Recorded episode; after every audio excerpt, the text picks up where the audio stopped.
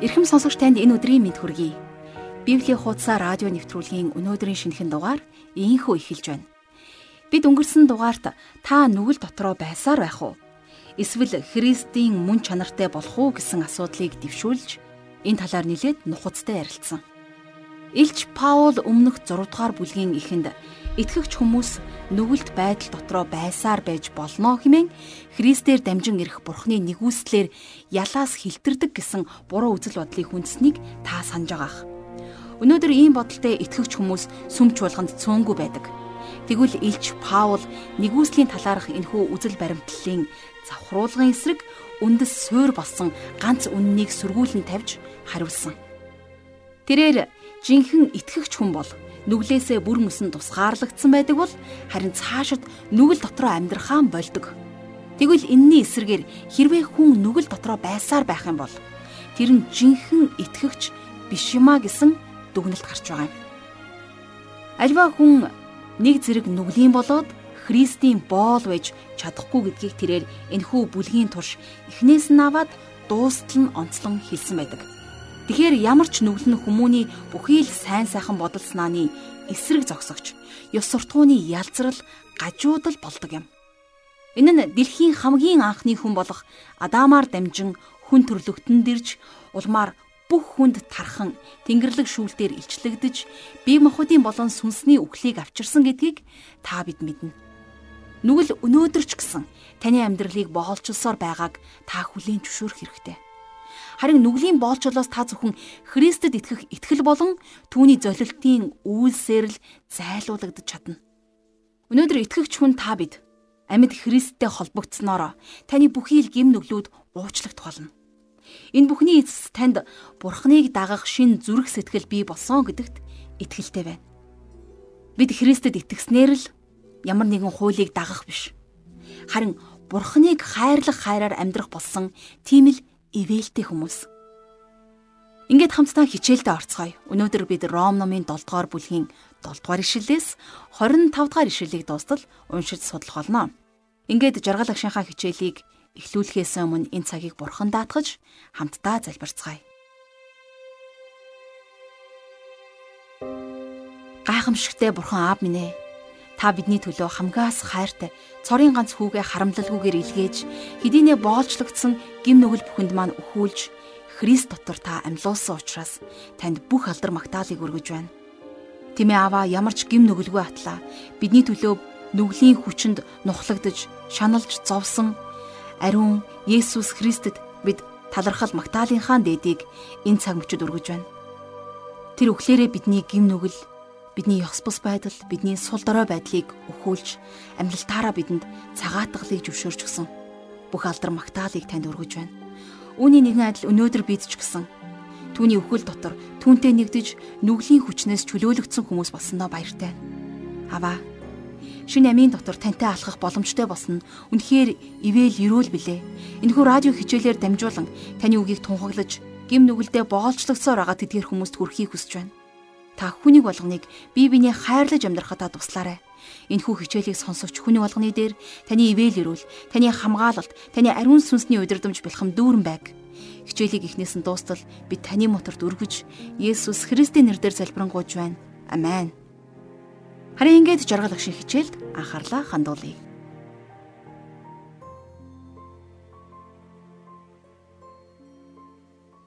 За Ром номын 6 дугаар бүлгийг судлах явцдаа та бид нэр хүний хуучин чанар үргэлж мууг хүсдэг. За тэрэнд өчүүхэн ч сайн зүйл байдаггүй. Харин Христийн доторх таны шин мөн чанар үргэлж сайн сайхан руу тэмүүлж Бурхныг дагахыг хүсдэгэ гэж ярилцсан. Тэгэхээр хүн зөвхөн өөрийн хүчээр биш, харин Бурхны хүчээр амьдрна. Тэгэхээр Бурхан та биднэр дамжуулан Есүс Христийг энэ дэлхийд амьдруулахыг хүсэж байгаа. За ингээд өнөөдрийн судлах 7 дугаар бүлгийн 7-оос 8 дугаар ишлэлд хамтдаа анхаарлаа хандуулцгаая. За энэ хэсэгтэр бол Христэд итгэхээс өмнө Паул болон бусад хүмүүсийн за хэрхэн Бурхны нэгүүлсэл өршөөд хүчинд найдахгүйгээр түүнд таалагдахыг оролдож байсан тухай харуулдаг. За хамтдаа 7 дугаар бүлгийн 7-оос 8 дугаар ишлэлийг уншъя. Тэгвэл бид юу ярих вэ? Хууль нь нүгэл үү? Огт үгүй. Гэхдээ хуулиар биш бол би нүглийг мэдэхгүй байхсан. Хэрв хууль чи бүү шунхаар гэж хэлээгүй байсан бол би шунхаарлын учрыг мэдэхгүй байхсан. Харин нүглэн тушаалаар шалтгаглаж миний дотор зүссэн бүрийн шунхаарлыг төрүүлсэн. Учир нь хууль үгүй бол нүгэл нь үхмэл юм а гэсэн байна. Тэгэхээр яг Ясиманда Паул энэ асуудлын тухай бүр 6 дугаар бүлгээс ярьж эхэлсэн байдаг. За юу гэсэн гэхлээр тэгвэл бид юу ярих вэ? Бид гим нүглээ үргэлжлүүлээд хийгээд байх уу гэж хэлсэн байсан болвол Харин одоо тэр энэ 7 дугаар бүлэг дээр тэгвэл бид юу ярих вэ? Хууль нь нүгэл юм уу гэж асууж байна. За энэ бүлгийн эхний хэсэгдэр Паул хууль болон гмийг нэг ижил зүйл юм шигээр ярьж байсан. За тухайлах юм бол гим нүглээс чөлөөлөгдөх нь хуулиас чөлөөлөгдөж байгаа хэрэг гэх жишээтэй. Магадгүй энэ хэлэгдэж байгаа зүйлс танд адилхан юм шиг сонсогдож байгаа бах. А тэгвэл энэ эндүрлийг Паул яг одоо тайлбарлан эхэлж байна. Тэрээр огт үгүй бүү ингэж бодоорой гэж хэлснийг та анхаарал таваарай. Тун удахгүй хууль бол сайн зүйл гэдгийг Паул бидэнд харуулж болно. Тэгэхээр хууль нь угтаа Бурхны хүсэл гэж юу болохыг харуулдаг зүйл юм. Тийм ээ. Асуудал хуулинд биш харин бидэнд байгаа. Бидний махан бие л гол буруутан. Тэгэхээр та бид нар өнөөдөр энийг хүлээн зөвшөөрөх ёстой. За харин энэ 7 дугаар бүлгийн төгсгөл хэсэг дээр Паул маш хувийн шин чанартай зүйлсийг ярина. Тэр би өөрөө гих үгсийг ашиглана. За тэгээд эдгээр үгсийг 47 удаа хэрэгэлсэн байдаг. Тэгэхээр энэ Паулийн өөртөөгөө тэмцэлдэж байсныг илэрхийлж байгаа. Тэр Бурханаас олсон шин мөн чанарынхаа дагуу Бурхны төлөө амьдрахыг хүсэж байсан. А гэхдээ энэ нь боломжгүй гэдгийг Паул ойлгосон байдаг. А хамгийн гол нь гим нүгэл гэж ямар их хор уршигтай болохыг Паулд хууль ойлгуулж өгсөн. Тэгэхээр хууль нэг талаараа түүний зөргсөтгэл санаа бодлыг нэвт харуулагч эрентхийн зурагтай адил байсан гэсэн. Та бид нар өөрсдийнхөө амьдралыг хуулийн дагуу шүүх юм бол ийм л үр дүн гарна. Бурхны үгийг тойл гэдэг. Бурхны үг биднийг хэн болохыг харуулдаг хүчтэй. Тэгэхээр таны зүрх сэтгэлд байгаа толгоноос нэгийг ч үлдээлгүй Библи харуулж чадна. Харин та өөрийн хүчээр тэрхүү толбыг арилгах боломжгүй. А энэ бүхнийг арилгах арга зам нь зөвхөн Бурханд л байгаа. Учир нь Бурхны хүүгийн цус хүний бүх гим нүглийг арилгаж цэвэрлэх хүчтэй. Тэгэхээр хууль бол гим нүглийн аимшигт байдлыг бидэнд харуулдаг.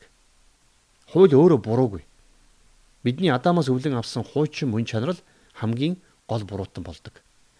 За харин хуулийн заалтууд нь бидний махан биеийн сул талуудыг маш тодорхой харуулж байдаг. Тэгэхээр хууль бидний гимтэй болохыг харуулдаг гэдгийг ойлгох нь чухал. Харин одоо би танд нэг томоохон хотод хийсэн сонирхолтой туршилтын талаар ярьж өгөх гэж байна. За тэр хотод асар том толийг олон хүн явдаг газар суурилсан байна. За ингэсний учир нь эрэгтэй эмэгтэй хүний аль нь толинд их хардгийг судлан батлах байсан. За эрчүүдийн хувьд мэдээж эмэгтэйчүүд л их толддог хойно энэ туршилтыг хийх шаардлага байна уу гэж бодсон байна. А гэтэл хамгийн сонирхолтой нь эрчүүд эмэгтэйчүүдээс илүү толдсон байгаа. Хүн ер нь өөрийгөө харах маш дуртай байдаг. Та ч энийг мэднэ. Тэгвэл бидний харах дургүй нэг толь байгаа. Энэ бол Бурхны үгийн тойл. Тэгэхээр Бурхны үгийн тойл бидний гим нүгэл муу мухай байдлыг байгаагаар нь харуулдаг учраас бид нар харах дургүй. За үргэлжлүүлээд 7 дугаар бүлгийнхээ 9 дугаар ишлэлийг уншийе. Нэгэн цагт би хуйлгүйгээр амьдарч байлаа.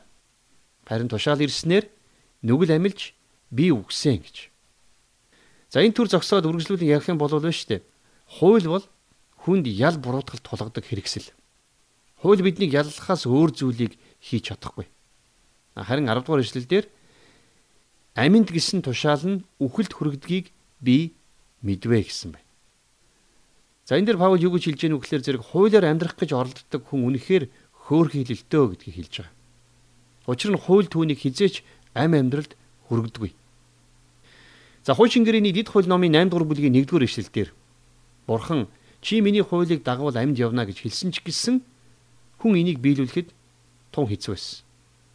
Тэгэхээр асуудал бол мэдээж хуулинд биш харин хуулийг дагаж амжилтанд хүрнэ гэж бодсон боловч хэрэгжүүлж чадахгүй байгаа хүндэл оршиж байгаа юм. Хууль бол ердөөл хүн төрлөختний мөхс, сул дорой, гэмт чанарыг илрүүлэн харуулдаг. Хүнд амь өгч чадах хууль байсан бол зөвхөн бурхан л энийг хийж чадах байсан. За Паул Галатуудыханд бичсэн загтлын 3 дугаар бүлгийн 21 дугаар эшлэлдэр Ингэхлээр хууль бурхны амлалтуудын эсрэгүү огт үгүй. Учир нь хэрв амьд болгох чадaltaй хуулийг өгсөн байсан бол зөвхт байдал нь үнэхээр хуулиас ирэх байсан гэсэн байдаг. Тэгэхээр ам болон итгэгч хүний амьдрал нь хуулиар ирдэггүй байх нь. За би таныг энэ дахиад нэг энгийн жишээгээр энийг тайлбарлаж өгье. За жишээ нь тээврийн хэрэгсэл бол маш ашигтай. Харин жолоогийн сайн удирдах чадахгүй хүн байвал үнэхээр аюулт. Үхэлж хүргэж болно. Тэгэхээр мэдээж асуудал бол машинда биш харин машиныг барьж байгаа хүнд байгааг бид харах боломжтой. А тиймээс бүхний гол асуудал бол хүн бид нар өөрсдөө юм. За 11 дугаар ишлэл. Учир нь тушаалаар шалтгаглаж нүгэл намайг мэхэлсэн бөгөөд намайг түүгээр алсан. За тэгэхээр гмиг энд хүнээр дүрсэлж уруу татагч гисэн байгааг та анзаарсан уу?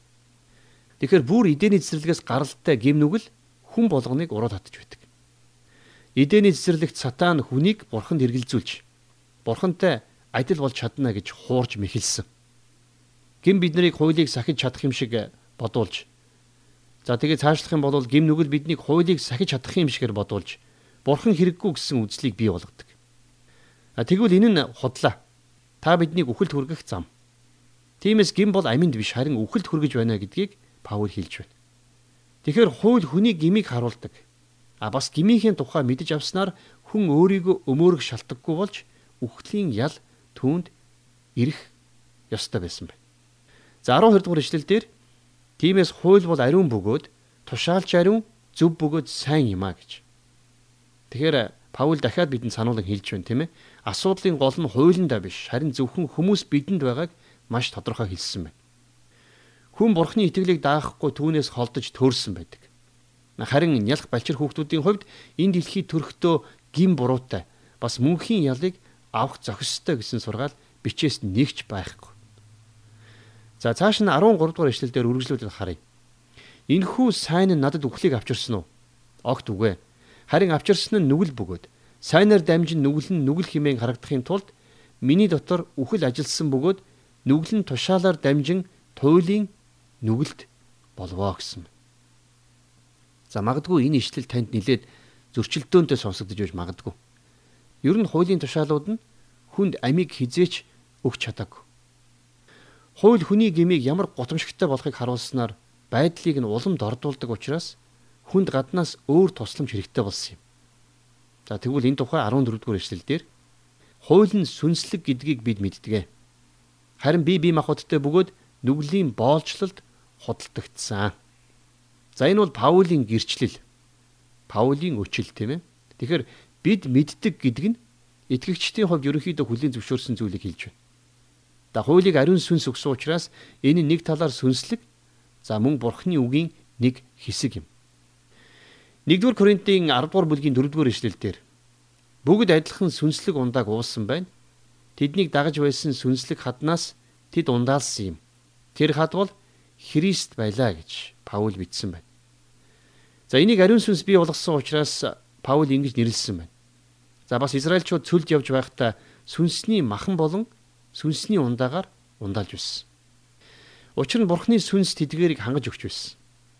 Харин Паул би би махбодтой гэж хэлснээрээ за грек үгийг ашигласан байдаг. Саркинос гэдэг грек үг. За энийг тайлбарлан тодруулж хэлэх юм бол би махан биеийн дотор байна гэсэн утгатай. Саркинос. За тэгэхээр үнэндээ та бидний биеийг муу зүйлдж а бас сайн зүйлдж ашиглах боломжтой. За энэ нь миний дээр хэлсэн тээврийн хэрэгслийг жолоодох тухай жишээтэй адилхан. Тэгэхээр бие махбод бол хүний хуучин оюун санаа, сүнс болон түүний гимээр дүүрсэн махан биеийг төлөөлж байгааг бид харж байна. Жишээлх юм бол та хин нэгний ялах байхдаа ахуулсан зургийг хараад. За тэгээд дараа нь тэрний 50 настай болсон үеийг нь хараарай.